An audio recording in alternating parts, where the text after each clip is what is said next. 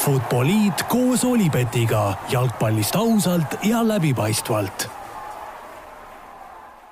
no nii, tervitused taas kord Futboliidi kuulajatele, jalgpallisõpradele, Futboliit alustab stuudios Raul Oessar ja Joel Lindermitte, tere Joel! tervist! räägime täna Eesti jalgpallist äh, kolme külje alt, äh, Flora kindlustas oma meistritiitli ära, räägime natuke sellest, räägime sellest, et Eestisse tuleb äh, Varr ehk videokohtunik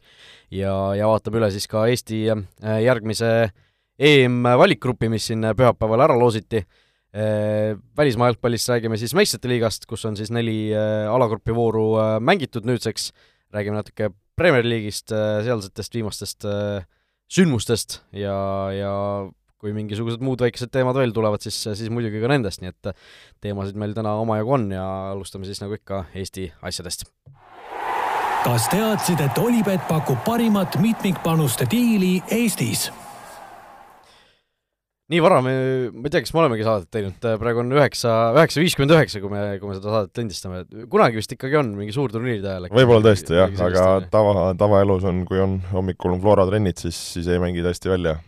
Aga noh, neljateistkümnes tiitel kindlustatud ja enam pole hommikul trenni vaja teha, ma saan aru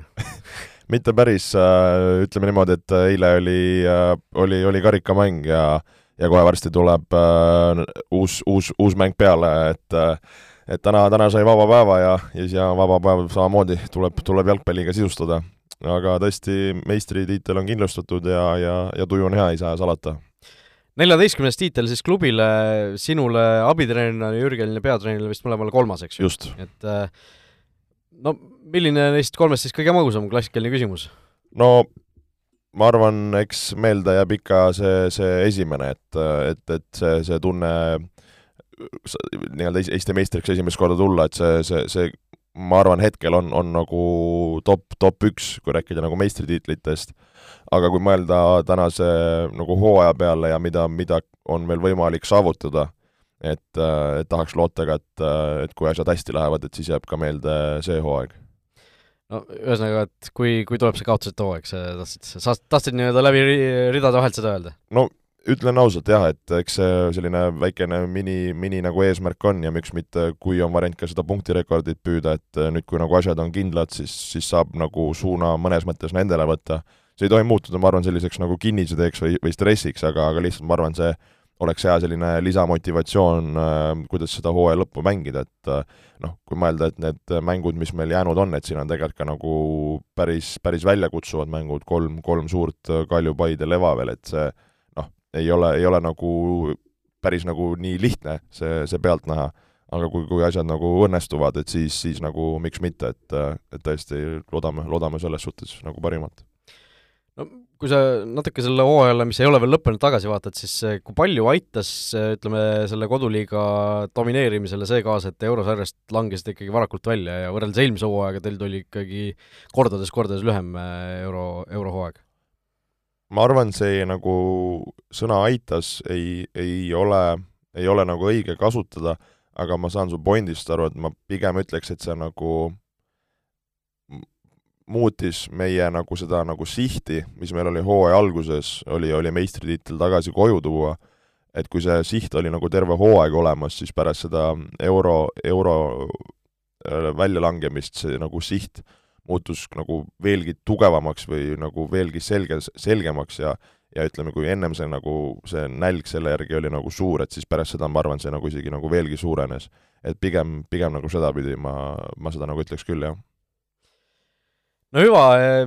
selles suhtes palju õnne muidugi Florale, see viimane mäng eh, Pärnus, seitse-üks oli vist see skoor, eks ju, et. Eh, seal ka väga, väga, väga küsimusi vist ei tekkinud, et kuidas see, kuidas see mäng seal minema peab ja no esimene kolmkümmend minutit Pärnu päris visalt pusis ja ega neid ruume, ruume liht-, lihtne leida ei olnud, aga siis, siis saime käigu sisse, et jah, et ma et kui sa ka üritasid siin võib-olla niisugust mingit äh, hooaja läbilõiget siin äh, teha, et seda, selle jätaks siis, kui, kui kõik mängud mängitud ja siis, siis saab sellele juba võib-olla veidikene põhjalikumalt tagasi vaadata ja, ja avada, et, et praegu on vaja selles suhtes oma, oma tööd veel, veel hästi teha, et äh, ja siis, siis, siis saab juba neid, neid vilju loodetavasti rõõmsalt nautida. Jah, nii et peaaegu aastase vaheaja järel meil on stuudios tagasi Eesti meister, valitsev, valitsev Eesti meister, nii et äh, õnnitlused äh,. kusjuures äh, Õhtulehes nägite, oli kirjas, et äh, ei ole veel, ei ma ole veel kindel. mõtlesin, et nii odav, äh, odav äh, see kliki, klikimagnet no põhimõtteliselt see teoor oli siis selles, et kui Flora, Flora siin kaotab nüüd kõik mängud, saab ühe tehnilise kaotuse, siis, siis, siis ei ole veel asjad kindlad, et ja kui Levadia samal ajal kõik, kõik võidab, et, et see, selline asi veel tuleb teil, tuleb teil vaadata, et liiga palju neid noormängijaid sinna ei pane, et kunagi oli ju Levadia sai, kas karikasarjas sai mingisugune tehnilise kaotuse niimoodi, et Marko Kristel oli vist peatreener, kes pani, eks see oli Magnar Vainumäe, kes oli vist Levadia kolme registreeritud ja mängis siis Levadia esinduse eest ja niimoodi, noh, niimoodi ei tohtinud kaks kaks võistkonda üles hüpata ja, ja sellest siis äh, Levadia sai mingisuguse kindla võidu asemel karikasarjas mingisuguse madalama liiga võistkonna vastu sai tehnilise kaotuse, Saue oli vist äkki see, kes see, kes sai sealt edasi, et äh, vaadake, et te seda, sellest siis hoidute ja ja oleme tähelepanelikud. mitu korda loete üle, et jah, kes seal, kes seal siis nagu võivad mängida ja kes ei või mängida äh,. Aga olgu nii meil oli Eestis, Eesti jalgpallis eelmine nädal tegelikult mõnes mõttes isegi veel suurem teema, sellepärast et see noh, see Flora tiitel oli, oli nii-öelda aja küsimus, millal see ära kildistatakse eelmine esmaspäev suhteliselt äh, vahetult pärast seda, kui meie saade, saade linti sai, siis siis tuli välja, et äh, Eesti, Eesti Premium-liiga saab uuest hooajast alates VAR-i, videokohtuniku süsteemi, kõik Premium-liiga mängud sellega mängitakse ja ja no minule ausalt öeldes tuli see päris suure üllatusena, sellepärast et eh, nii palju, kui ma olin kuulnud sellest taustal, noh, küll mitte sel, sel hooajal nii palju, aga varasemalt, siis no räägiti ikkagi, et raha on puudu, sel, see koolitamine, kõik see võtaks aega ja et noh, kui see mingi hetk nagu tuleb, siis tuleb nii-öelda ülejärgmisel aastal siis äh, sellest hetkest alates, kui see välja kuulutatakse, et et see, see, et see tuleb juba järgmisel hooajal nüüd paari kuu pärast äh, või noh, mõne kuu pärast nüüd, see oli ikkagi päris suur selline positiivne üllatuspauk, äh, no Joel, sina kui asja sees olev inimene, võtad, võtad asja hea meelega vastu või mis, mis tunded, tunded mõtted tekivad? no ma ütlen ausalt, et äh, minul äh, siis treenerina, mängijana Varri kogemus puudub, et äh, on, eks ju, näinud telekast ja on olnud siin Eesti koondise mängu ajal, et äh, puhtalt konverentsi liigas ju teil seda ei olnud? just, et, et selle koha pealt uh, uus, uus asi uh,, no arvata oli, et ega me nagu sellest uh, ei, selles suhtes ei pääse, ma ei mõtle seda üldse nagu halva tooniga, et, et kunagi, kunagi ta tuleb, nüüd oligi küsimus, nagu sa ütlesid, et millal see tuleb. et uh,, et selles suhtes,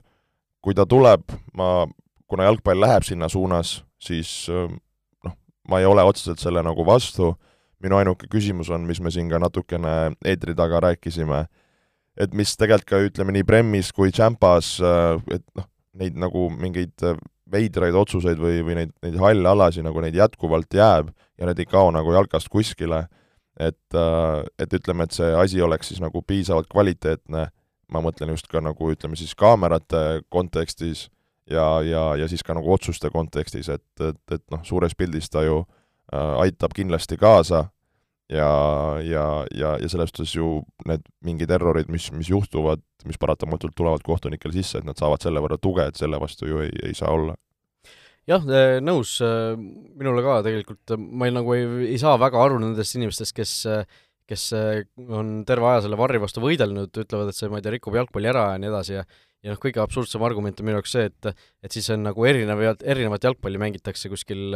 kuskil tänaval ja, ja tipptasemel, et et noh, see, see jalgpall on niigi nii palju erinev, et noh, see alates sellest, et noh, praegu vist on neljandas liigas äh, kõik mängud kolme kohtunikuga, aga kui kui mina veel mängisin omal ajal noorena, siis oli neljandas liigas ka ju ainult üks kohtunik, sul oli ähm, ja noh, Premiumi liigas oli kolm ja võib-olla kuskil meistrite liigas olid mingil hetkel juba kastikohtunikud ja ja noh, see on nagu nii, niigi nii erinev jalgpall, sul on äh, ühes kohas on tribüünid, ühes kohas on kümned tuhanded inimesed pealt vaatamas, teises kohas ei ole. et see, see, see kõik tegelikult muudab seda jalgpalli niigi nii erinevaks erinevatel tasanditel, et see, see, et sul on kohtunikel nagu üks abivahend juures, et see ei ole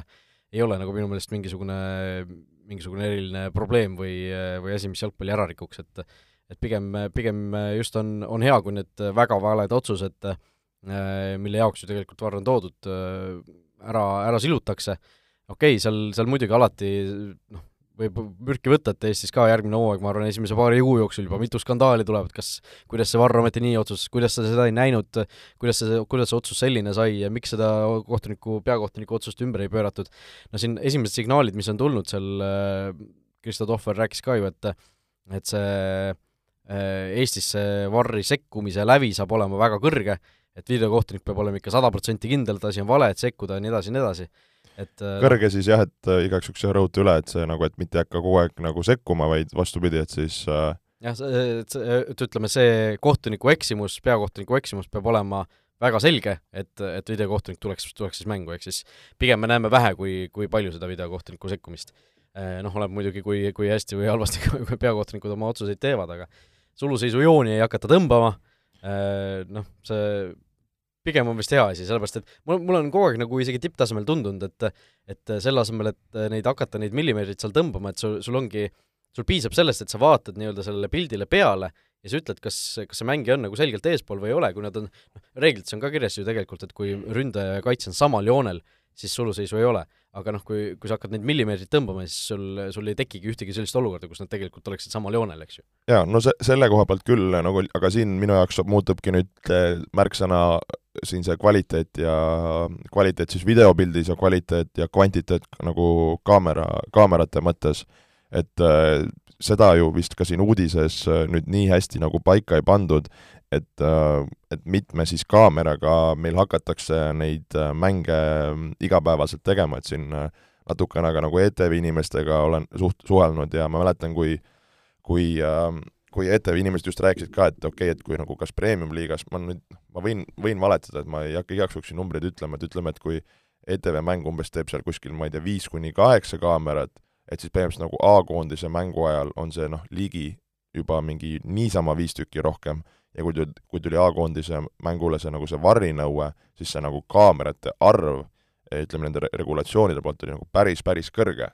et, et sa saaksidki nagu iga õige nurga, sa näeksid just neid, kui sa rääkisid suluseisust, et sul oleks need suluseisukaamerad, siis tihti tegelikult ju nendes, ütleme, Soccerneti üle, ülekannetes ei ole seda nagu suluseisukaamerat, noh nüüd on selge, see peab olema, eks. no lihtsalt ütleme ära, FIFA miinimumnõuded siis varri kasutamiseks on neli kaamerat, kaks tükki siis äh, Äh, keskel, üks, üks teeb seda kõige suuremat plaani, üks on seal natuke allpool, teeb lähivõtteid, ja kaks tükki siis äh, karistusala joontel, ehk siis ongi noh, spetsiaalselt suluseidude jaoks, või noh, mitte, mitte ainult suluseidude jaoks, aga aga peamiselt siis äh, selleks, et suluseise paremini määrata. no see mis, on absoluutne miinimum. jah, no siis sul olekski vaja, eks ju, kindlasti mõlema, mõlema värava taha ja, ja siis võib-olla mingid lisanurgad, et eks ju, nii, nii spetsiifiline operaator ma ei ole, et, et öelda, mis see kõik vaja on. aga noh, point olekski see, et siis arusaadavalt see kõik maksab nagu, see vajab ka nagu oskusi ja, ja teadlikkust, et need kaameramenid ka mõistaks, mida teha. et, et minu, minu nagu jah, soov või, või, või lootus on, et, et, et saadakse nagu ütleme, võimalikult operatiivne ja objektiivne nagu pilt nendest mängudest, kui on vaja neid, siis neid tähtsaid otsuseid äh, võtta no just, no mina hiljuti käisin tegelikult seda operaatori ametit proovimas ühe eksperimendi korras, kes, kes tahab, saab jalka äkki septembri numbrist lugeda. Äh, hetkel kuidas meil... läks? no äh, see oli päris, päris kihvt oli tegelikult, ma noh, mina sain siis nii-öelda sellise käsikaamera endale õla peale, see oli üks naiste meistriliiga mäng, mida Sokkenet üle kandis. see oli, muidu oli siis äh, nii-öelda kohustuslikus korras oli kahe kaameraga, seal pandi siis üks robotkaamera pandi ka sinna suluseisujoone peale ja siis neljas kaamera olingi mina, kes ma siis kõndisin seal väljaku ümber ringi ja, ja tegin igasuguseid, igasuguseid selliseid äh, erilisi ja, ja teistsuguseid võtteid, et võtsin mingeid detaile väljaku kõrvalt, väljaku pealt. kuidas see nagu suhtlus režissööriga käis, et kas anti sulle vabad käed, et go express yourself või, või ütles, et nüüd võta seda või mine vaata seda, kuidas see välja nägi? no mõlemad natuke, et eh, eks ma noh, kogu aeg oli seal selle peakomplekti abil ju ühendus olemas, vahepeal ikkagi režissöör ütles mulle, mida, mida võtta, et eh, noh, pakkus välja, et mine nüüd sinna tribüüni peale või, või vaata, et seal pingi pealt võta treenerit hetkel või, või midagi sellist. aga noh, üldiselt ikkagi reeglina suurem osa ajast oli mul ikkagi selles suhtes nii-öelda vaba voli filmida seda, mis, mis ma ise põnevaks pidasin, mis, mis tundus huvitav. mängu ka filmisid sa palli või Su? suures osas ikkagi filmisin jah, mängu ennast. et noh, seal ütleme, selle käsikaameraga õla peal seda hoides äh, see ei ole kerge, see ei ole kerge Arvat tegelikult. noh, seal päris nii-öelda noh, nii jutumärkides päris, päris operaatorid enamasti teevad seda asja ikkagi objektiivi pealt äh, statsionaarselt ühe koha peal. Aga noh, mina, mina käisin ringi ja vahepeal, vahepeal sain siis erinevate nurkade alt äh, proovida neid äh, asju, asju üles võtta, et see igasugune sisse suumimine, selle palli, palli nii-öelda või noh, mitte isegi palli, vaid äh, ütleme, nende mängijate korralikult kaadris hoidmine, see natuke vajab ikka sellist harjumist ja harjutamist, et et noh, vahepeal oligi niimoodi, et äh, noh, filmisin küll mäng, mängijat, aga aga ütleme, ma ei tea, jalad põlvedest altpoolt olid kaadrist väljas, on ju, ja noh, nii edasi, nii edasi, et et see ei, ei olnud, ei olnud alati lihtne, samas ma sain ka mõned päris, päris ägedad kaadrid sealt äh, mõnest olukorrast, mis nii-öelda näiteks nii kohtunikul kui, kui siis ka peamistel kaameratel jäid, äh, jäid nii-öelda silma alt välja, mingid kuidas keegi kuskil kellelegi peale astus või natukene haiget sai, midagi sellist. kogemata midagi ebasündset sisse ei suuminud või ei filminud? ei suuminud, sa mõtled naiste mäng, et siis yeah. on oht, oht olemas, on ju, ei, ei seda õnneks ei juhtunud jah, et seal kui, kuigi päris naljakas oli see, kus kui ma käisin, noh, mängu alguses käisin mõlema pingi juures suht lähedalt filmimas neid, siis noh, naiste meistriliigal tavaliselt kahe kaameraga nad harjunud ei olnud sellega, selle asjaga, see oli nagu näha, et kõik, kõik tundsid ennast jube ebamugavalt, et nagu siuke, et kuhu ma nüüd vaatama peaks mida tegema peaks, onju. ja no tribüüni peal oli ka need kõik mingi kolmkümmend, nelikümmend pealtvaatajat, siis käisin nii-öelda suht lähedalt, vaatasin üle, et kes lehvitas seal, kes ei teinud nagu teist nägugi, kes vaataski, et mis asja sa teed, onju, et et selles suhtes oli päris, päris huvitav kogemus, aga ah no selleks, var-, varrist me rääkisime, et aga, aga noh, operaatoreid on kindlasti juurde vaja ja ja noh, eks saab näha, kes sinna varri, varripukki siis võetakse, noh kindlasti seal saab olema aktiivseid kohtunikke, aga ma arvan, et see on, see on tegelikult hea variant, kuidas kaasata ka ütleme, neid, neid kohtunikke, kes on oma nii-öelda aktiivse karjääri lõpetanud ühel või teisel põhjusel ja, ja saavad siis tegelikult selle kohtuniku tööga edasi, edasi jätkata, et seal varripuldis ju ei ole sul erilist, ma ei tea, füüsist või Cooperi testi ei pea tegema? Cooperi testi ilmselt ei pea tegema, mida ma ka siin äh,, mitte Cooperi testi, aga kohtunikega käisin nüüd oktoobri umbes, käisin tegemas füüsilisi teste, et kes saab, kes tahab, siis saab jalkast jälle lugeda, kuidas, kuidas sellisel vormist väljas inimesel seal läks. aga, aga tõesti see noh, oled seal vigastatud või ma ei tea, lihtsalt, lihtsalt paksuks seal odavaks läinud, et see, see, see varri, varripuldis olemine, ma arvan, on kohtunikele hea koht, kus kus nii-öelda oma karjääri siis pikendada kohtunike, kohtuniku maailmas, et eh, noh, muidu on ka igasugused vaatlejad ja muud võimalused on kindlasti olemas, aga aga vast see varri, varriks olemine pakub natuke suuremat pinget ja ja meeldib vast rohkematele, aga noh, see selleks. Eh, ootame huviga siis, mis saama hakkab ja, ja kuidas, kuidas need asjad hakkavad Eestis välja nägema, noh, see, selge on see, et Eestis ei ole see varr nii põhjalik, nii kvaliteetne kui, kui suurtes liigades, kus on rohkem kaameraid, rohkem võimalusi, aga aga vähemalt mingisugused äh, põhilised suuremad eksimused saavad meil heastatud. no Joel, sina mõtled sellele hooajale tagasi, siis äh, kas on mõni hetk, kus, äh, kus oleks varri olnud vaja Eesti liigas? no ma pole nii kaugele mõelnud, et mul tulebki praegu kaks äh, Narva Transi kohtumist meelde, üks, mis meil oli viimane Famas, kus äh, nagu toimus reaalselt vägivaldne tegu Alliku vastu, kus, kus Alliku sai nagu vigastada, mis jäi nagu kõikidel kohtunikel nagu silma vahele.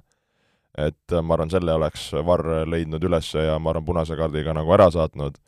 ja, ja, siis oli seesama Narva mäng, mis oli see viimase sekundi see käemoment.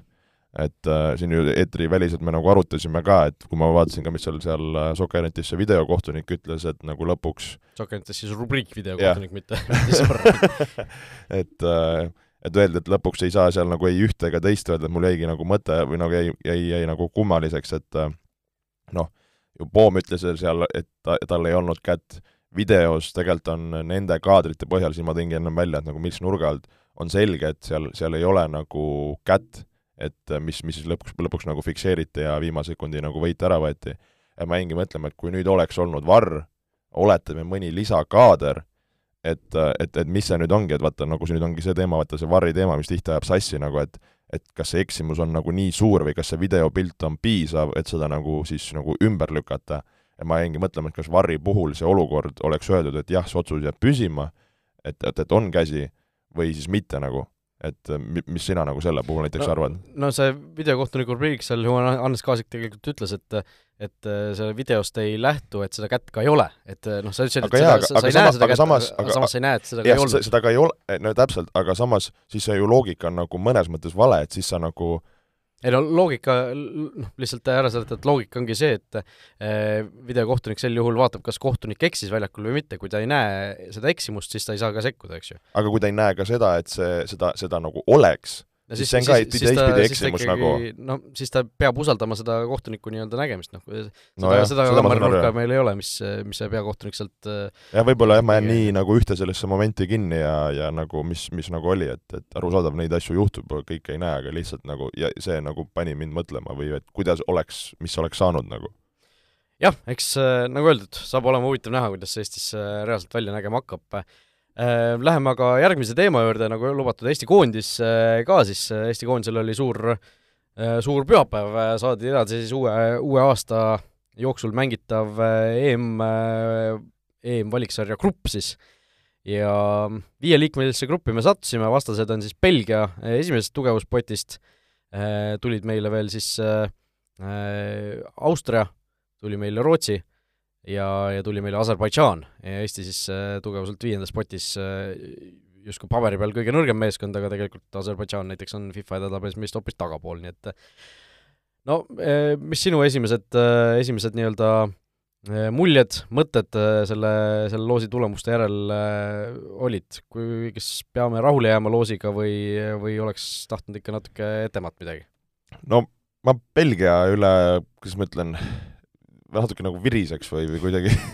kuidagi nagu ei, ei tahtnud neid, et oleme juba, juba saanud kaks korda neid ja, ja nagu kolmas kord uuesti saada, et et ju alati nende looside puhul sa loodad, et see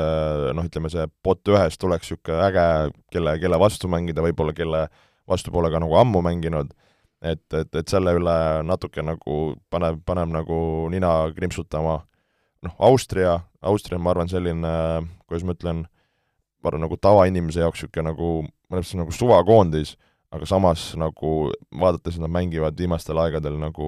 suurturniiridel, on niisugune üli, ülisoliidne, ülifüüsiline, väga palju Bundesliga mehi, et tegemist on niisuguse nagu keskmise taseme mõttes nagu väga-väga tugeva koondisega. et äge, äge näha nagu, kuidas me nagu sellise nagu riigi vastu ja koondise vastu nagu hakkama saame. noh, Rootsi selgelt ju ka mõtled küll, et oh, siin mingid naabrid, asjad, et uh, mis nad on, aga tegelikult on ka ju tegemist ju väga-väga hea koondisega, samamoodi ju EM-il teinud mängu, MM-idel teinud mängu, et nagu päris, päris korralik pähkel. Ja noh, ma ütlen ausalt, ma Aserbaidžaani nii hästi ei tunne, aga mis elu on ka näidanud, et kui vanasti võib-olla need äh, Aserbaidžaanid, Kasahstanid, asjad nagu mõtlesid, et nad on niisugused lambi, lambipundid, siis noh, vaadates ongi, kuidas siin ju praegu Gruusia paneb hullu asjad, et et äh, ma arvan, et see Aserbaidžaan võib ka olla nagu päris äh, nagu väljakutsuv, noh kindlasti kodus peame võitma, võõrsil ma arvan, see ei ole lihtne, et kui mõeldagi nagu punktide ja võitude peale, et ega siin selliseid äh,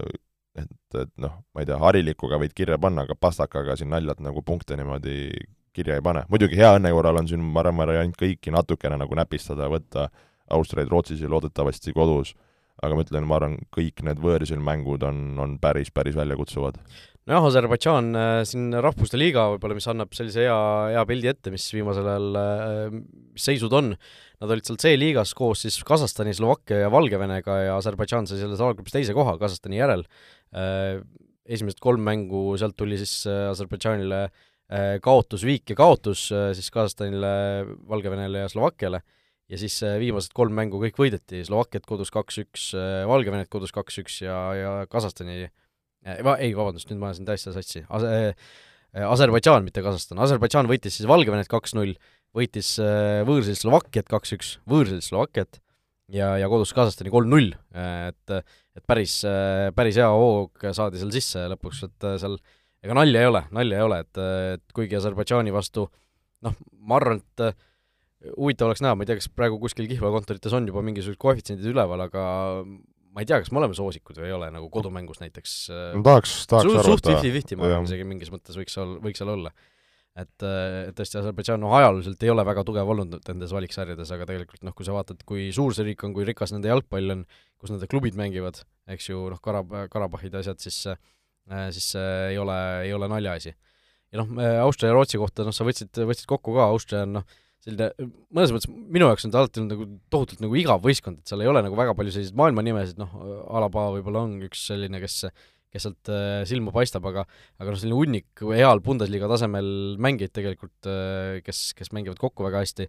Rootsil on hetkel selline väike madalseis, eks ju, nad B-li-, B-liigast langesid välja, nad võivad meiega isegi rahvusliigas kokku sattuda ja ühte alagruppi nüüd uuel hooajal. ja noh, Aserbaidžaan ja Belgia on, on Aserbaidžaan ja Belgia aga noh, kui vaadata korra seda... võib-olla, mis sul nii... tunded selle Belgia, Belgiaga tulid? no sama asi ikkagi, et, et noh, nii palju on nendega juba viimasel ajal mängitud, et oleks nagu vahelduseks tahtnud kedagi, kedagi teist sealt, et noh, Inglismaa oleks alati tore olnud, see on noh, alati see, paljud ju jälgivad Inglismaa meediat ja seal on tore näha, kui nagu Eesti ka kuidagi pilti saab ja ja noh, Wembley'l oleks saanud mängu vaatama minna äkki ja nii edasi, nii edasi, et et või noh, Prantsusmaaga me ei ole kunagi valikmänge mänginud, eks ju, noh, Itaalia, Itaalia, Itaaliaks, Itaaliat ei oleks tahtnud, Horvaatia ka niisugune mehhe, noh, Poola oleks kõige igavam variant olnud veel võib-olla Ungari kõrval. no Ungari oleks e-, esimeses potis selles suhtes äge olnud, et siis oleks äkki mingisugune lootus ikkagi punkte võtta, et me viimati ju nendega kodus mängisime kolm-kolm näiteks, on ju, alles paar aastat tagasi. jah, vist isegi äkki kommenteerisin, aga võib-olla, või olin stuudios, et kuidagi jah, see oli, mäletan, päris hullumeelne mäng ka. jah, ja siis noh, see Taani-Soome grupp, see oleks kõige kihvtim olnud kindlasti, et noh, Taani, Soome, Sloveenia, Kasahstan, Põhja-Iirimaa, San Marino oli see grupp lõpuks, et et kuidagi, kui ma oleks sin-, sinna ennast sokutanud, oleks, oleks nagu kõige kihvtim olnud siin. võib-olla tõesti, jah, ma isegi olen, olen sinuga nõus, isegi oled minuga nõus. Ja ma nagu jäin mõtlema, ma nagu, kui ma vaatasin neid gruppe, siis noh, et selgelt seal niisugust äh, noh, see, kus, kus oli äh, Prantsusmaa ja Holland koos, et sinna, sinna selles suhtes ei oleks tahtnud, et see oli lihtsalt tummine seal Iirimaa ja Kreeka juurde, aga jah, see viimane oleks olnud niisugune Nordic, Nordic, Nordic grupp ja, ja miks mitte ka punktide kohta. Äh, no vot, siin oli äh, tegelikult ju äh, ma pean korra, korra vaatame üle, siin oli väga äge tabel tehti tegelikult äh, kuidagi mingisuguste elo reitingute ja muu statistika põhjal koostati, siis selline mudel, mis ennustab siis, kui, kui tõenäoline on mingitel meeskondadel saada siis äh, top kahte alagrupis, saada MM-i või selle EM-ile äh, ja, ja siis ka pääseda sinna play-off'i, eks ju, mis on meie puhul väga, väga aktuaalne, nagu me eelmises saates rääkisime tegelikult, siis Eestil on päris suur võimalus sinna saada. Äh,, kuna selleks on siis vaja, et A-liiga viieteistkümnest võistkonnast vähemalt kaksteist saaksid siis oma alagrupis jõuaksid esimese kahe sekka ja noh, kes, kes tahab põhjalikumalt lugeda, siis ma minu Twitteri kontol teeme reklaami, tegin, tegin sellise põhjaliku ülevaate, vaatasin kõik, kõik grupid üle ja ja, ja äh, tegin siis äh, nii-öelda noh, tõin välja, kus on kõige suuremad ohukohad, ohukohad võib-olla Eesti mõttes. Ja noh, nii naljakas kui see ei ole, üks suuremaid ohukohti meie enda alagrupp, kus on siis meil on vaja, et äh, Austria edestaks Rootsit siis, et Austria kindlasti sinna top kahte jõuaks noh, kindlasti on selles suhtes äh, ka suhteline mõiste, et võib-olla teegi, kuna kõik ei ole võib-olla igapäevaselt sul Twitteri kontol ei käi, et äh, mis see nagu üldine pilt oli, et äh, kas see nüüd see loos, mis, mis tuli, kas see on, ütleme, soodne selles pinnases, et need pundid suure tõenäosusega on sinna top kahte jõudmas ja kus olid siis need ohukohad, selline nagu üle, kiideülevaatlik. jaa, ma selleni tahtsingi jõuda, et et tegelikult on olukord väga hea, ma arvan, et meie võimalused sinna play-off'i jõuda suurenesid päris kõvasti selle loosi järel et seal noh, sellised eh, võib-olla sellised võistkonnad, kes, eh, kelle puhul noh, seal A-liiga tagumise otsa võistkonnad, kes, kelle puhul sa ei ole nagu alati kindel, et nad võivad sinna top kahte jõuda, nad paljud kas sattusid kergesse alagruppi või siis sellisesse alagruppi, kus on ainult üks A-liiga võistkond, eks nad noh, nad võivad seal selle mm, teise kohaga saada ja rahulikult edasi minna. et noh, näiteks Ungari, kes oli ju eh, A-liiga noh, esimese asetusega võistkond tegelikult, sai siis ühte alagruppi Serbia, Montenegro, Bulgaaria ja Leeduga, et kus neil on lihtsalt vaja esimese kahe sekka tulla, mis tundub suhteliselt tehtav ja noh, jätkuvalt meil on ka eksimisruumi kolme võistkonna jagu tegelikult, et seal ei ole üldse hullu. Äh, ja noh, meie alagrupis siis tõesti on võib-olla kõige tõenäolisem see, et et seda, et see A-liiga võistkond jääb sealt esimese kahe seast välja, kui suudab Rootsi siis oma mängu leida ja Austriat edestada. aga noh, kõige kummalisemal kombel ongi, nagu me eelmine saade ka tegelikult vist korra puudutasime, meil endal on võimalik seda asja mu-, mõjutada, ehk siis kui me kindlasti Austriale mõlemad mängud kaotame ja Rootsilt kuskil punkte näpistame, siis, siis me saame selles asjas nagu oma sõna sekka öelda tegelikult, mis on, mis on tegelikult nagu absurdne. Austria vastu U kahekümne ühega peale või? no näiteks jah, U kahekümne ühega, no U kahekümne ühega jah, see on kõige kindlam variant, et me ei saa siin U seitseteist, U kaheksateist, U üheksateist, nendest rääkida rääkinud. me võime, minu U kaheksateist poistega võime ka minna, ära, ära ei ütle ja, ja noh, seal äh, võib-olla närviline on olukord ka teie alagrupis, kus on siis Horvaatia ja Wales, kes, kes peaksid kindlasti olema seal esimese kahe seas, ja seal on lisaks veel Armeenia, Türgi ja Läti, ehk siis noh, Türgi tuli neljandast tugevast potist tegelikult, aga kin-, kes on kindlasti valmis äh, või noh, võimeline Walesi edestama, eriti kui Walesil noh, peaksid näiteks Aaron Ramsey ja Gareth Bale MM-i järel karjääri lõpetama, koondise karjääri. ja no mis, mis tundub suhteliselt isegi jaa, ja seda küll, aga ma ütleks, et ka see Armeenia on niisugune päris paha jokker seal, kes on. Äh, Rahvuste Liigas on ju näidanud head mängu, et äh, olen nõus, et see grupp D on küll selle koha pealt päris äh, noh, hirmuäratav on vale öelda, aga nagu selles suhtes hirmuäratav, et kui mõeldes selle meie šanssude peale. just, ja jah, ja paljudes gruppides, noh, kus olid sellised äh, närvilised olukorrad, näiteks noh, Norra sealt kolmandast tugevuspotist ja Gruusia neljandast tugevuspotist, kes on mõlemad kindlasti võimelised sinna esikahe sekka mängima, sattusid näiteks A-alagruppi, kus on ainult üks äh, A-liiga võistkond, on ju, Hispaania, Hispaania, et et see, sellega, paljude asjadega läks hästi. ja noh, mille juurde ma kokkuvõttes tahan jõuda, et äh, koostatigi selline mudel, kus siis äh, pandi erinevate võistkondade tõenäosused kirja, noh, seal on natuke küsitavusi, ütleme nii, et et Portugalil näiteks siis see, see, need võimalused, et nad tulevad siis äh, alagrupis esimese kahe sekka või siis lähevad play-off'ist edasi, et see mudel ütleb, et nende EM-ile jõudmise tõenäosus on sada koma null protsenti näiteks. Et noh, päris, päris nii, nii selge see ilmselt ei ole, aga aga noh, sellise aimu saab ette.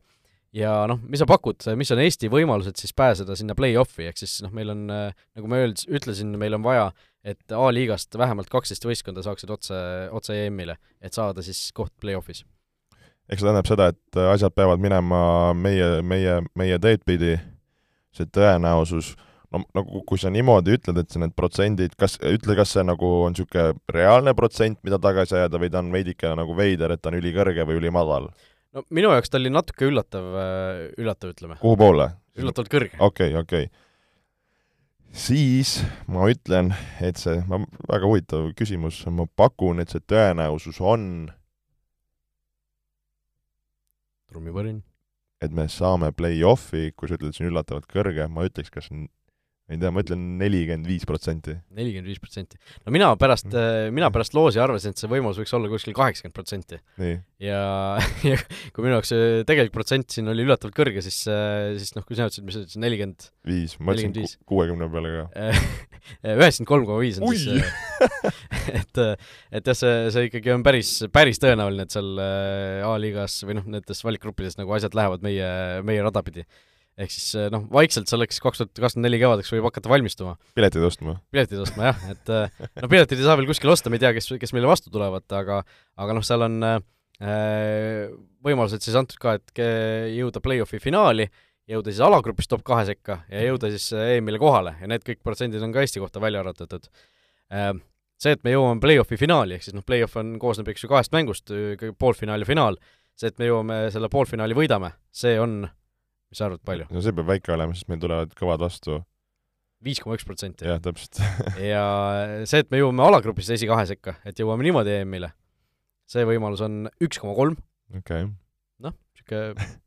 üks sajast, ma ei tea. ja, ja see, et me jõuame üldse EM-ile, ehk siis äh, kas jõuame e alagrupis kahe sekka või läheme play-off'i kaudu, see on, äh, see protsent on siis äh, Najal. see peab siis kuidagi tasandama, ei või? no natuke jah, põhimõtteliselt no siis ta ongi sinna neljakümne, viiekümne vahele või?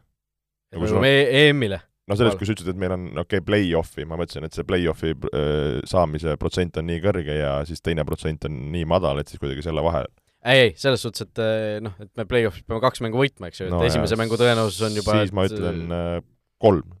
no peaaegu, kaks koma kolm protsenti. ehk siis äh, kui me võtame nüüd äh, internetist äh, lahti random number generator'i, siis Joel, sina saad olla, olla äh, Äh, olla siis äh, selline Fortuna, äh, ma võtan siit nii, kaks koma kolm protsenti, see tähendab, et siis äh,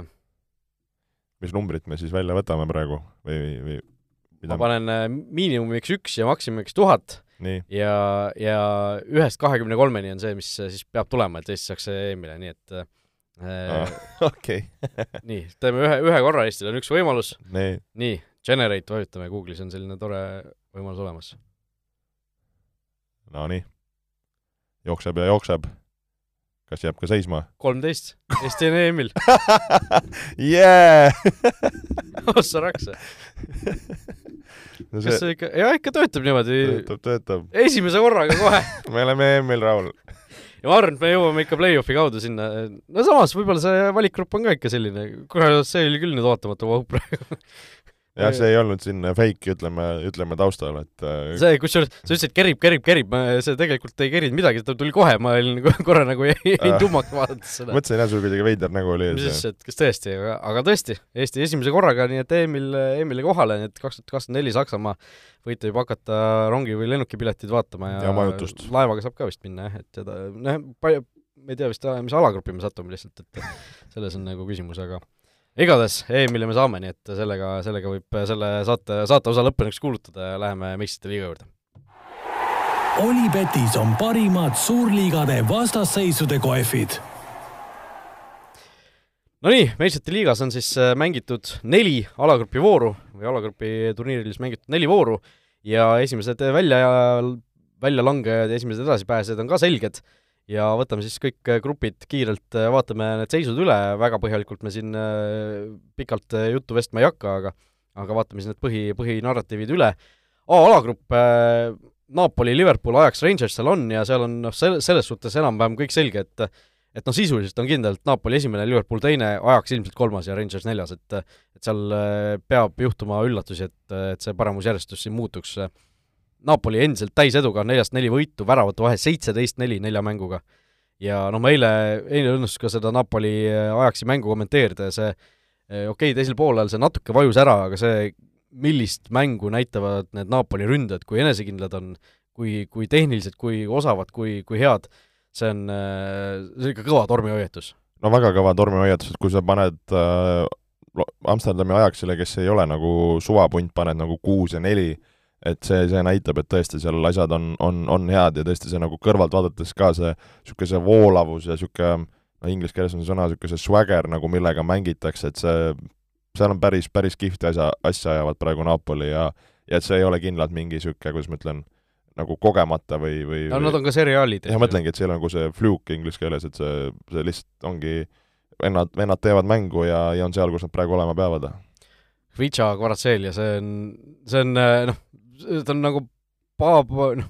hooaja algusega saanud minu üks nagu lemmikmängijaid tänapäeva jalgpallis üldse, et see, kui tehniline see vend on, kui niisugune noh, kui väikestest olukordadest tal on, eile oli ka, tal oli mitu korda nagu kaks mängijat tulevad talle peale, ta on küljejoone ääres ja ta ikka poeb sealt kuidagi palliga läbi ja nagu läheb sealt, läheb, läheb, et nagu selline dribling, noh, see on täiesti nagu äh, ebareaalne, et tänapäeva jalgpallis nagu sellised mängijad ka suudavad teha, et väga huvitav oleks näha, mida ta suudaks äh,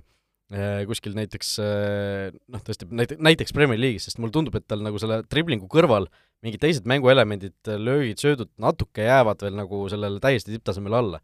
aga, aga noh, see loodetavasti tuleb järgi ja kui noh, kui tuleb, siis sellest mehest saab ikkagi tõeline superstaar, ta on kahekümne ühe aastane ainult ähm,. Aga noh, Napoli Napoliks, Liverpool eile ju ka mängis, mängis Rangersiga võõrsil ähm,, noh, Liverpooli Premier League'i äh, minekust me natuke veel hiljem räägime, aga alguses jäid ju kaotusseisu seal seitsmeteistkümnendal minutil, Ibroxi staadion äh, nägi siis esimest korda meistrite liiga väravat viimase mingi üheteist või kaheteist aasta jooksul. Äh,, noh, tundus korra, et Liverpool ka hakkab jalga väristama. Äh,, Roberto Firmino nüüd äh, siis küll kohe viigistas, avapoolaeg lõppes üks-üks ja noh, tundus, et läheb nagu selliseks äh, huvitavaks mänguks, aga noh, teine poolaeg Liverpoolil oli täielik, täielik ülesõit, seitse-üks jäi siis mängu lõppskoor ja Mohamed Salah äh, sai siis kirja meistrite liiga ajaloo kõige kiirema kübartriki, et äh, kuus minutit ja kaksteist sekundit vist oli see, et et seal toodi ka välja, et et Elton Johni kas oli Tiny Dancer vist on äh, mõned sekundid pikem näiteks kui see Salahi kübartrükk ja kuskil oli kirjas, et, äh, et tegelikult see pall oli mängus sel ajal vist alla kolme minuti, et, et noh, see mees ikkagi tõesti tuli, nägi ja võitis, tuli vahetuses sisse ja lõi siis seitsekümmend kuus, kaheksakümmend ja kaheksakümmend üks lõi, lõi kübara ära, et äh, päris, päris uhke ja Liverpoolil siis väga kindel võit lõpuks. jah, ma võib-olla korraks siin Salahi juures natukene hüppaks sinna Premmi ja korraks ka Fantasy'sse, et ta on minul siin Fantasy's ja ma olen sügavalt-sügavalt pettunud temas. Et kas nüüd see kiire hätrik, äh, ütleme nii, et mul oli plaan ta sellel nädalavahetusel välja vahetada, et kas see kübaratrikk, sina kui seda mängu kommenteerisid, kas ma peaksin selle peale mõtlema äh, või siis nüüd nagu jätma ta? no raske öelda, ma arvan, et seal ikkagi olulist rolli mängis see, et Rangers oli juba selleks hetkeks äh, Äh, üks-kolm taga, nad olid natuke lootuse kaotanud juba ja seal noh, isegi sellel kas juba üks-kolm seisul näidati kaadrit, kuidas ikkagi sajad ja sajad inimesed lahkusid juba staadionilt, et et ega nad kar-, kaotanud ei ole seal väga harju harjunud. harjunud kaotama jah, niimoodi ja.. et, et seal ähm, tundus küll, et see õhk nagu lasti sealt välja, mis mängu alguses tegelikult oli väga, väga äge see atmosfäär, et et see, seal ilmselt mängis see rolli, noh, võib-olla Klopp peab mõtlema, et Salahit hoopis hakatigi vahetusest kasutama, et kui, kui mees nagu nii hästi paneb, aga seal oli, oli siis olukord selline, et äh, Napoli ja Liverpool ilmselt lähevad sealt päris kindlalt edasi. B-grupis äh, Napoli siis äh, edasipääs kindlustatud, Liverpool veel tehniliselt mitte, aga, aga noh, kõigi eelduste kohaselt nad selle järgmise voorus ära, ära teevad Äh, B-grupis üks kindel edasipääseja, see edasipääs on Club Brugge, äh, alagrupis, kus on siis Porto, Atletico ja Leverkuseni Bayer veel, äh, mis on päris, päris ootamatu, päris üllatav, Brugge siis esimest korda nüüd jäi, jäi küll võiduta, aga Simon Mignolet neli mängu, kõik taga null, et päris, päris uhke, uhke saavutus. Ja Mignolel siis siin nüüd viimase kahe nädala jooksul oli ju kaks mängu Atletico Madridiga, esimese mängu Brugge võitis kaks-null, teise mängisid null-null ja lugesin mingit või nägin sellist statistikat, et Mignolet siis kahe mängu peale kokku tegi neliteist tõrjet, ei lasknud mitte ühtegi väravat sisse ja see peaks olema meistrite liiga selline äh, väikest viisi rekord, et ka kaks mängu sama vastase vastu, mitte ühtegi väravat ja nii palju tõrjeid, et äh, iseasi, kui, kas, kas keegi enne teadis, et niisugune rekord on olemas üldse, aga aga igatahes Mignolet nimel see nüüd on. No päris üllatav, et kui vaadata seda alagruppi, siis ei oleks küll osanud äh, öelda, et nagu Brügge sealt äh, sellise vahega selle võtab, võtab ära ja ja, ja noh, teada oli, et see võib-olla on niisugune üks, üks nagu ühtlasemaid, kus asju võib juhtuda, aga tegelikult see Atletico Madridi no kuidas seda siis nimetada, käkkimine, oskamatus, suutmatus, noh, see, see õrnalt oli õhus, aga mina olen nagu ütleme, noh, negatiivses mõttes üllatunud või, või mis sa just Atletico kohta ütled? jaa, no eks Atletico hooaeg üldse on ju läinud ikkagi, noh, tulnud see vaheaeg, vahehooaeg sisse, mida siin arvati, et tuleb kas juba eelmine või üle-eelmine aasta, et et see paistab, et on nüüd ära tulemas, noh okei okay,, Kriismann saadi küll nüüd päriseks kätte ja saab teda varem ka nagu sisse tulla, kui, kui seal kuuekümne minuti paiku aga, aga noh, ega see midagi väga, väga suurt ilmselt sel hooajal Atleticule ei päästa, et hea, kui nad saavad siit alagrupist edasi, noh, kõik võimalused on neil tegelikult olemas, sest neil on mängud järel siis kodus Leverkuseniga ja võõrsil Portoga ja vahe Portoga on siis hetkel ainult kaks punkti, aga noh, seal on ka Leverkusen tegelikult veel mängus sees. Äh, sellest alagrupist võib-olla põnev fakt veel see, et Porto väravat Diogo Costa siis äh, kolm-null võidumängus Leverkuseni vastu, temast sai esimene mängija meistrite liiga ajaloos, kes teinud ühes mängus kahte asja, mida? Ma nägin, no üks penaltitõrje, aga mis see teine oli? Äh, väravasööt. ahah, okei okay.. Äh, selline, selline väike statistiline kõlks. Äh, C-grupis, surmagrupis, no oli äge mäng, Barcelona kolm-kolm Inter, nägid, vaatasid? vaatasin, aga mitte lõpuni, uni sai, sai võitu minust. no lõpp oli kõige olulisem. tean, ma tean pärast hommiku järgi vaadates sain aru, jah ja.. et noh, see, see oli ikkagi päris, päris tormiline, mis seal lõpus, lõpus toimus, et Barcelona Äh, noh, jäi, läks seal alguses juhtima, eks ju, neljakümnendal minutil Inter viigistas, läks, läks omakorda juhtima, äh, kuuskümmend kolm, kaks-üks, Levandovski viigistas kaks-kaks, siis läks Robin Gosens, äh, viis Interi kolm-kaks juhtima, Levandovski jõudis veel viigistada, see oli mõlemal tiimil oli lõpus veel võimalusi, aga rohkem väravaid lüüa ei suudetud. Ja see noh, suure tõenäosusega tähendab seda, et Barcelonat ootab teist hooaega järjest Euroopa liiga. no see on küll enne, enneolematu, kui nii peaks minema, no selles suhtes äh, kaks mängu on minna, et äh, kas äh, no neil on ikka päris, päris äh, kõvasti vaja siin imet selles suhtes, et neil on Interiga vahe kolm punkti ja kui nad võrdsete punktide peal lõpetavad, siis on Interil eelis omavaheliste mängudega. ehk siis nad peavad, Barcelona peab kindlasti koguma Interist rohkem punkte ja Interil on üks mäng Belgeniga ees, kui Inter Belgeni võidab kodus, on kõik korras ja see, see, see peaks olema nagu Interi poolt vaadatuna küll, küll teostatav, ma lihtsalt mõtlesingi, et noh, et kui noh, Barca, ma arvan, on ka suuteline kodus äh, Bayernit võitma, kui on niisugune nagu selg, selg vastu seina moment ja lihtsalt lootma, et äh, Inter, äh, Inter seal käkib, eks. et noh, seal, seal võib ka seda juhtuda, sest tegelikult ega see ju Inter ka nüüd nii veenev olnud ei ole, kuigi lihtsalt Plezen tundub pigem niisugune nagu selgelt äh, kotik, nagu sulle meeldib öelda või mis sõna see on? mulle meeldib niimoodi öelda. sa oled öelnud minu meelest küll aga, aga nagu hull, hull mäng tegelikult ja, ja mis oli niisugune huvitav, et niisugune nagu ei saa, noh, no minu arust, ma ei tea, kas Xavi enne mängu ütles, et see, veits niisugune nagu finaali hõnguline, et kui vaadata neid emotsioone, seda tähistust, seda atmosfääri, niisugust intensiivsust, niisugust mingit võitluslikkust, et siis oli nagu selle koha pealt oli, oli nagu päris, päris, päris kõva andmine jah, no seal oli äh, selles suhtes huvitav olukord, et mul endal lõppes mäng ära, kommenteerimise mäng, ja siis ma kuulsin, et seal Ott Järvela ja Markus Jürgenson seda mängu kommenteerisid ja seal nagu midagi kisasid, siis ma läksin tegin nende, nende boksi ukse lahti, see oli muidugi suur viga, sellepärast et noh, see boks on niisugune, boks on niisugune, mis on kaks koma viis korda üks koma viis meetrit äkki pindala ja noh, kaks meetrit kõrge, et noh, seal niisugune kuue kuupmeetri peal kaks inimest on tund aega koos istunud, see, see ei olnud nagu hea lõhn, mis sealt tuli, on ju, aga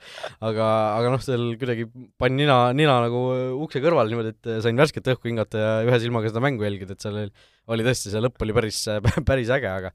aga, aga tõesti äh, seal olukord siis selline, et Barcelonal teist hooaega järjest Euroopa liiga terendamas ja lugesin, et äh, mingi fakt oli, et kakskümmend miljonit umbes tähendab see juba sisuliselt kuulutatud raha, mis eelarvest on, äh, mis eelarvest nüüd ära kaob, et Barcelona oli juba arvestanud sellega, et meistrite liigas saavad edasi, et et seal see rahalised, rahalised teemad ei, ei saa kuidagi, kuidagi lõppu. D-grupis on olukord väga põnev, sellepärast et absoluutselt kõik võistkonnad on veel mängus sees Tottenham seitse, Marseille kuus, Sporting kuus ja Eintracht neli. On siis hetkel seis, kui kaks vooru on minna. ja noh, siin noh, reaalselt võib veel kõike juhtuda, Tottenham ei ole üldse kindel olnud siin Euroopas, noh, Antonio Conte võistkondade puhul see ei ole mingi üllatus, aga, aga siin nende selja taga ikka on asju juhtunud, Marseille kaotas esimesed kaks mängu ja võitis järgmised kaks mängu ja ja noh, asju toimub ikkagi. asju toimub äh,, Youngburn Son vajutas päris, päris ilusa värava selles mängus, Kein järjekordselt penalti sisse, seal äh, Marseille Sportingus oli, oli punane kaart, mis, mis Lissaboni jaoks äh, mängu ära rikkus ja see oli vist isegi kaks punast kaarti lõpuks äh,? Võib-olla, ma nägin mingis mängus oli kaks punast kaarti, jah. et, äh, et seal päris palju just juhtu peale oligi niisuguseid kollaseid, punaseid, varre, penalteid, et päris palju nagu toimus. aga sellest jaa, äge alagrupp ja seda tegelikult ma arvan, oli oodata ka, et seal, seal võib niisugust asja juhtuda. just äh, edasi minnes äh, E-alagrupp, need, mis mängisid siis teisipäeval oma mängud sel nädalal, eh, ka seal tegelikult kõik väga lahtine, Chelsea seitse, eh, Salzburg kuus, Milan neli, Zagrebi Dinamo neli. no Chelsea sai nüüd kaks võitu Milani üle kätte ja, ja võttis selle alagrupi esikoha enda kätte, aga noh, siin on eh, jätkuvalt need kaks viimast vooru on, on pinget veel täis, Chelsea'l noh, on võimalus siin järgmises voorus Salzburgi vastu võõrsil see edasipääs ära kindlustada aga Zagrebi Dinamo ja Milani mäng võib tulla isegi päris, päris huvitav siin ja Milani viimane mäng ka Salzburgiga muidugi. võib küll, kas sa muidu seda mm, Tomori punaskaarti momenti nägid äh,? Ma videot ei näinud, ma kuulsin, et sa, seal oli, et nagu ta oli viimase mehena vist äh,, kas ta oli nagu ta, ütleme, minu, mina nimetaks esindise keskkaitsjana seda nagu positsioonivõitluseks, niisugune nagu õrn käega nagu niisugune äh, nagu sidumine või õrn tõmbamine, noh, see, see, see nagu mõnes mõttes käib nagu jalka juurde et äh, mina olin väga üllatunud, et sealt nagu punane kaart tuli, et ma tahaks väga võib-olla mõne, kui ma kohtan äkki tänava peal mõnda tippkohtunikku, et küsida või natuke nagu põhjendust. no see põhjendus oli, noh, nii palju, kui ma olen kuulnud selle kohta, ma olen lihtsalt äh, lugenud ja kuulnud selle kohta, ma videot ei olnudki näinud, aga ma sain aru, et seal oli, point oli selles, et kuna ta oli viimane mees ja see, see liigutus ei olnud nagu palli mängimise liigutus, siis, see, siis see ongi no, automaatselt punane kaart, kui sa viimase mehena teed selle vea. vaat selle, selle eest ma olen eluaeg vaielnud nagu, et see, et see palli mängimise liigutus, et nüüd, kui ta see, see minu jaoks see, et ta nagu õrnalt nagu seob, see, see on eh, nagu suurem nagu äh,, nagu ütleme äh,, kuidas ma ütlen, suurem pingutus või element palli, palli mängida või seda duelli mängida, kui see, et ma nüüd lähen, sõidan nagu tagant jalgadesse ja panen, ja panen jutumärkides, et ma, ma läksin palli mängima. Et, äh, et, et see, see on see, mis, mis, mis on minu jaoks alati niisuguse nagu veidike nagu veidra momendi nagu tekkinud, et, et vahest ongi targem sul minna sõita tagant jalgadesse, nagu näidata, et sa lähed seda palli mängima ja siis sa nii-öelda ei saa seda topeltkaristust. jah, see, see on, see on nagu... küsimus reeglite raamatule yeah. tegelikult ilmselt jah, et tõesti, kas, kas see asi peaks niimoodi olema või mitte, on ju. et äh, aga noh, praeguste reeglite järgi niimoodi on ja seetõttu see punane kaart sealt tuli, kuigi see tõesti oli, oli selline natuke kummaline olukord võib-olla äh, F-grupis Real Madrid edasipääsu ära, ära kindlustanud, äh, said nüüd kolme võidu kõrval esimese viigi, kui viigistasid siis Donetski Šahtariga, kes endiselt on suures mängus sees Leipzig teises, teisel kohal kuue punktiga, Šahtaril viis ja Celtic siis äh, ei ole äh,, ei ole neil enam edasipääsu võimalusi alles, nemad siis ühe punkti peal viimasel kohal, Šotimaa tiimid siis kahe peale saanud äh, kirja ühe punkti kaheksa mänguga. Ei ole, ei ole, ei ole kõige, kõige parem minek, aga aga tõesti noh, Realil asi, asi kindel ja korras. jah, ja Rüüdiger sai ka värava ja, ja silmasiniseks just, ja viimases voorus siis Donetsk ja Leipzig äh, omavahel mängivad, seal võib, äh, võib äh, päris põnev edasipääsu peale mäng tulla. Man City G-grupis samuti edasipääsu ära kindlustanud, nemad samuti siis kolme võidu kõrvale said esimese viigi, kui, kui seal vähemuses võitlesid Kopenhaageni vastu võõrsil viigipunkti välja. Dortmundi Borussia teine koht, seitse punkti ja, ja tundub, et nemad kaks siis edasi lähevad, Sevilla ja Kopenhaagen mõlemad kahe punktiga siis kolmas-neljas, et et noh, seal siit ka väga palju vist rääkida ei ole, et City noh, ei ole, ei ole katastroof, et nad sealt võidud jäid ja, ja kõik on endiselt hästi. just. ja H-grupp, äh, noh, seal on natuke rääkida küll, sellepärast et BSG ja Benfica on seal noh, sisuliselt äh, kahekesi edasipääsu positsioonid endale, endale haaranud, mõlemal siis kaheksa punkti, omavahel tegid siin kaks viiki, äh, olles eelmised kaks mängu mõlemad võitnud, ja Juventus ja Maccabi mõlemad siis kolme punkti peal, kolmas ja neljas, ehk siis mis siit välja saab lugeda, Juventus ühe mängu võitis, teise mängu kaotas Haifa Maccabile ja noh, meistrite liiga play-off'iga saavad nad kenasti hüvasti jätta. Ja noh, see Juventus, mida me praegu näeme, see on ikkagi täiesti noh, koomiline, see on, no see on nagu karikatuur Juventus. krimi-, kriminaalne, et äh, see on, see on ebareaalne, et kui me siin ka rääkisime, et äh, sa vist eelneva mängu eel viskasid õhku, et äkki Juventus seal Haifa vastu komistab, ma ütlesin, et see nagu sellise klubi jaoks on nagu lubamatu, esimese võidu said kätte, et nagu nüüd seal lutti saada, et see no piinlik väga,, väga-väga piinlik, et äh, ma, ma ei ole nagu Juventuse nagu äh, hingelusse niimoodi süübinud, jah, seal on nagu asjad, kuidas ma ütlen, nagu veidikene nagu lagunenud või, või või see ei ole enam päris see, aga jätkuvalt, kui sa vaatad nagu mis, mis nimed, mis, mis mängijad väljakul on, noh, need ei, need ei ole lambivennad, need on väga kõrge klassiga mängijad. on toodud ju Vlahovitsa asju, Kiesad, et nagu ma, ma ei, ma ei saa aru, kuidas see võimalik on, ausalt. see, see, see tundub ebareaalne minu jaoks ja noh, need signaalid, mis Juventusest tulevad, on see, et Max Allegrit ei vallandata no, ei taheta vallandada enne hooaja lõppu. see on Säki aga... koht, täiesti mäda on nagu, et äh, siis ma ei tea. kui, kui madal nad veel, veel peavad yeah. rangema, kas tõesti nagu peavad meistrite liigast välja jääma, et see lõpuks tuleks, aga noh, ei tea. igatahes Juventusel asjad äh, endiselt äh, kohutavad, kohutavalt halvasti. jah, no kohutavalt halvasti korraks võib-olla ka BSG osas, et äh, siin on ju päev enne mängu, seal ju Pape ümber läks jälle siin see kuulujutu veski käima Äh,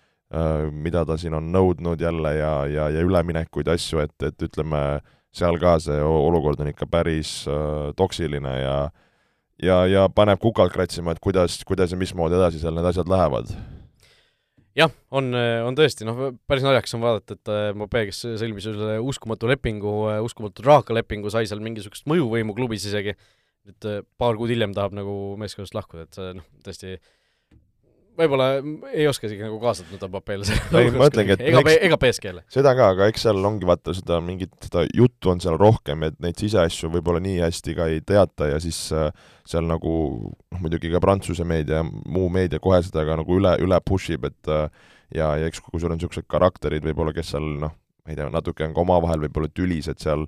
noh, see, see ei ole nagu ütleme, lihtne keskkond, kus seal nagu asja, asja toimima saada ja, ja tundub, et ka see uus peatreener on noh, pigem niisuguse nagu üsna kindla käega, et nagu jama ei salli, et seal noh, seal on see konflikt, on, on mõnes mõttes juba sisse kirjutatud. just nii, aga läheme saate lõpetuseks ka natuke Premier League'i manu ja vaatame, mis seal siis äh, toimus ja mis toimuma hakkab. Olipetis on parimad suurliigade vastasseisude kohvid no möödunud nädalavahetusel väga pikalt peatuma ei ole mõtet hakata, sellepärast et äh, uus voor tuleb kohe peale, aga Arsenali ja Liverpooli kolm-kaks mängust äh, natuke ikkagi jutu, jutu teeme. Äh, Arsenal siis esimesel poolajal lõi neljakümne üheksa minutilise vahega oli kaks väravat ühe poole jooksul, ehk siis esimesel minutil Martinelli viis Arsenali juhtima ja siis pärast seda, kui Darwin Nunes oli vahepeal viigistanud, Bukayo Saka nelikümmend viis pluss viis lõi siis kaks-üks, teisel poolel mõlemad võistkonnad lõid veel ühe värava, aga Arsenal lõpuks tabeliliidrina sai järjekordse võidu kirja, tabeliliidrina püsib endiselt, kuigi mm, kõik eh, räägivad Man Cityst justkui kui kroonimata meistrist eh, juba ja Liverpooli siis hooaja teine kaotus Premier League'is. no millised mõtted mängu vaadates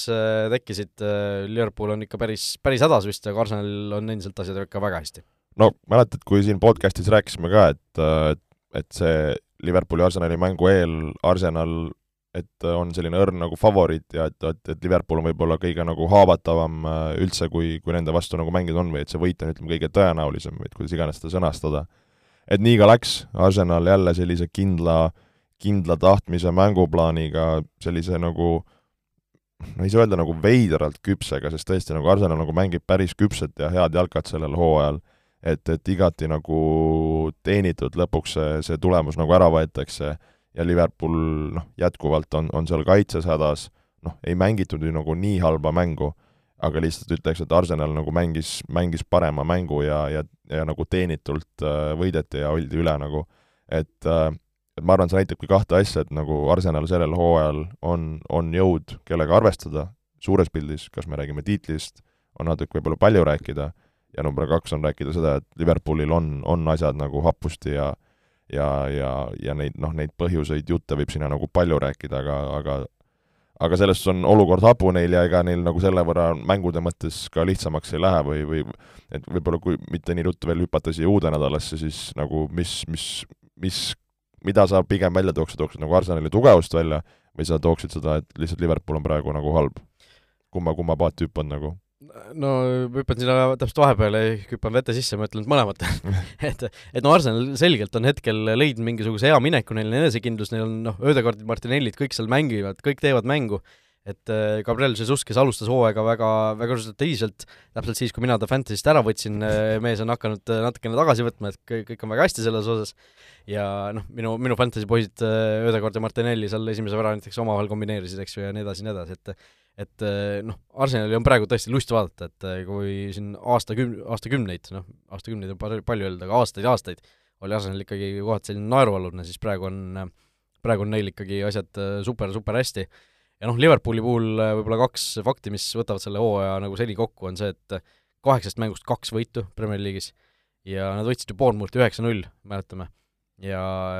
kumb meeskond praegu tabelis eespool on Bournemouth, reaalselt on.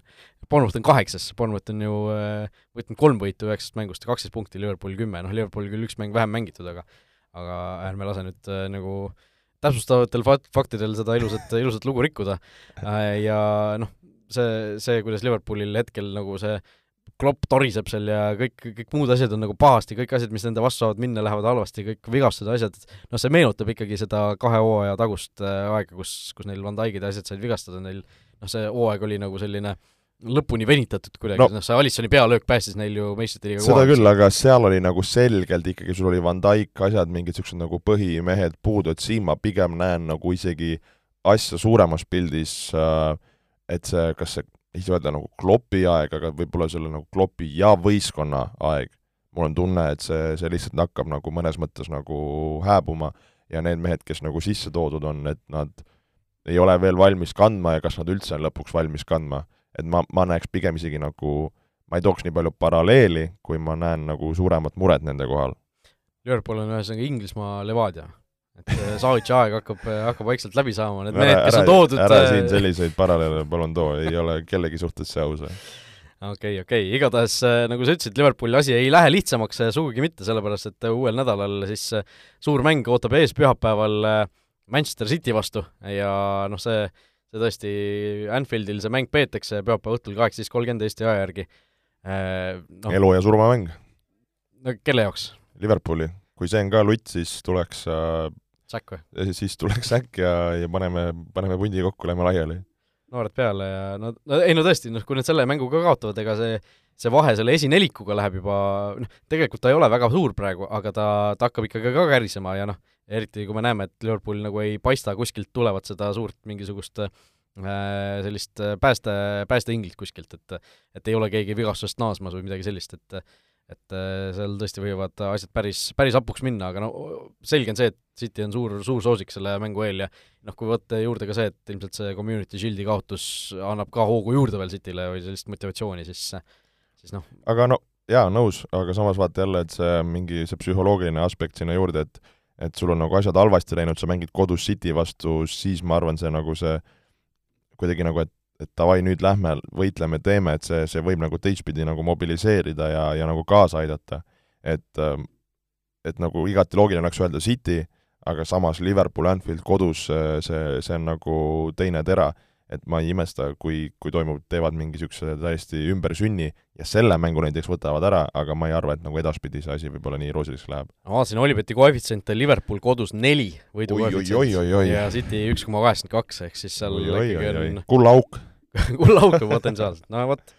Äh, uuest voorust, mis veel välja tuua, Tottenham Everton võib-olla laupäeval äh, on huvitav mäng äh, ja ja pühapäeval soojenduseks enne suurt mängu saab vaadata Manchester United versus Newcastle United. Newcastle on ju kaks mängu järjest võitnud siin väga suurelt, kas neli-üks ja viis-üks, ja, ja tõesti see olukord on neil, neil tõesti väga, väga roosiline hetkel. Rünnakul eriti asjad toimuvad väga hästi, isegi siis, kui Aleksander Isak on siin vigastusega väljas olnud ja noh, Unitedil ka said tagasi võidulainele, valitsesid Brentfordi kaks-üks, äh, Ronaldo lõi oma esimese Evertoni. Evertoni, jah. ütlesid Brentfordi? ah,, ütlesime Everton. Everton ikkagi, jah, äh, kaks-üks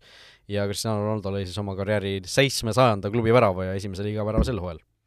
päris uhke number. ja noh, Martial sai vigastada, nii et võib-olla Ronaldo isegi saab mingisuguse väikese hoo siin, hoo siin ka liigas, liigas mängida, et et noh, muidugi Rashford on ka seal tipus, tipus variant olnud siin hooaja alguses, aga aga eks, eks saab näha, eks saab näha. nii et äh, sellised põhimängud siis äh, uuest Premier League'i liigi voorust, nii et äh, saame saatele vaikselt joone alla tõmmata äh,. aitäh, Joel, aitäh, kuulajad, ja oleme siis tagasi juba mingi hetk uuel nädalal, kõigi eelduste kohaselt, loodetavasti. kõike head, olge mõnusad! vutiviikendi parimad kohvid leiad Olipetist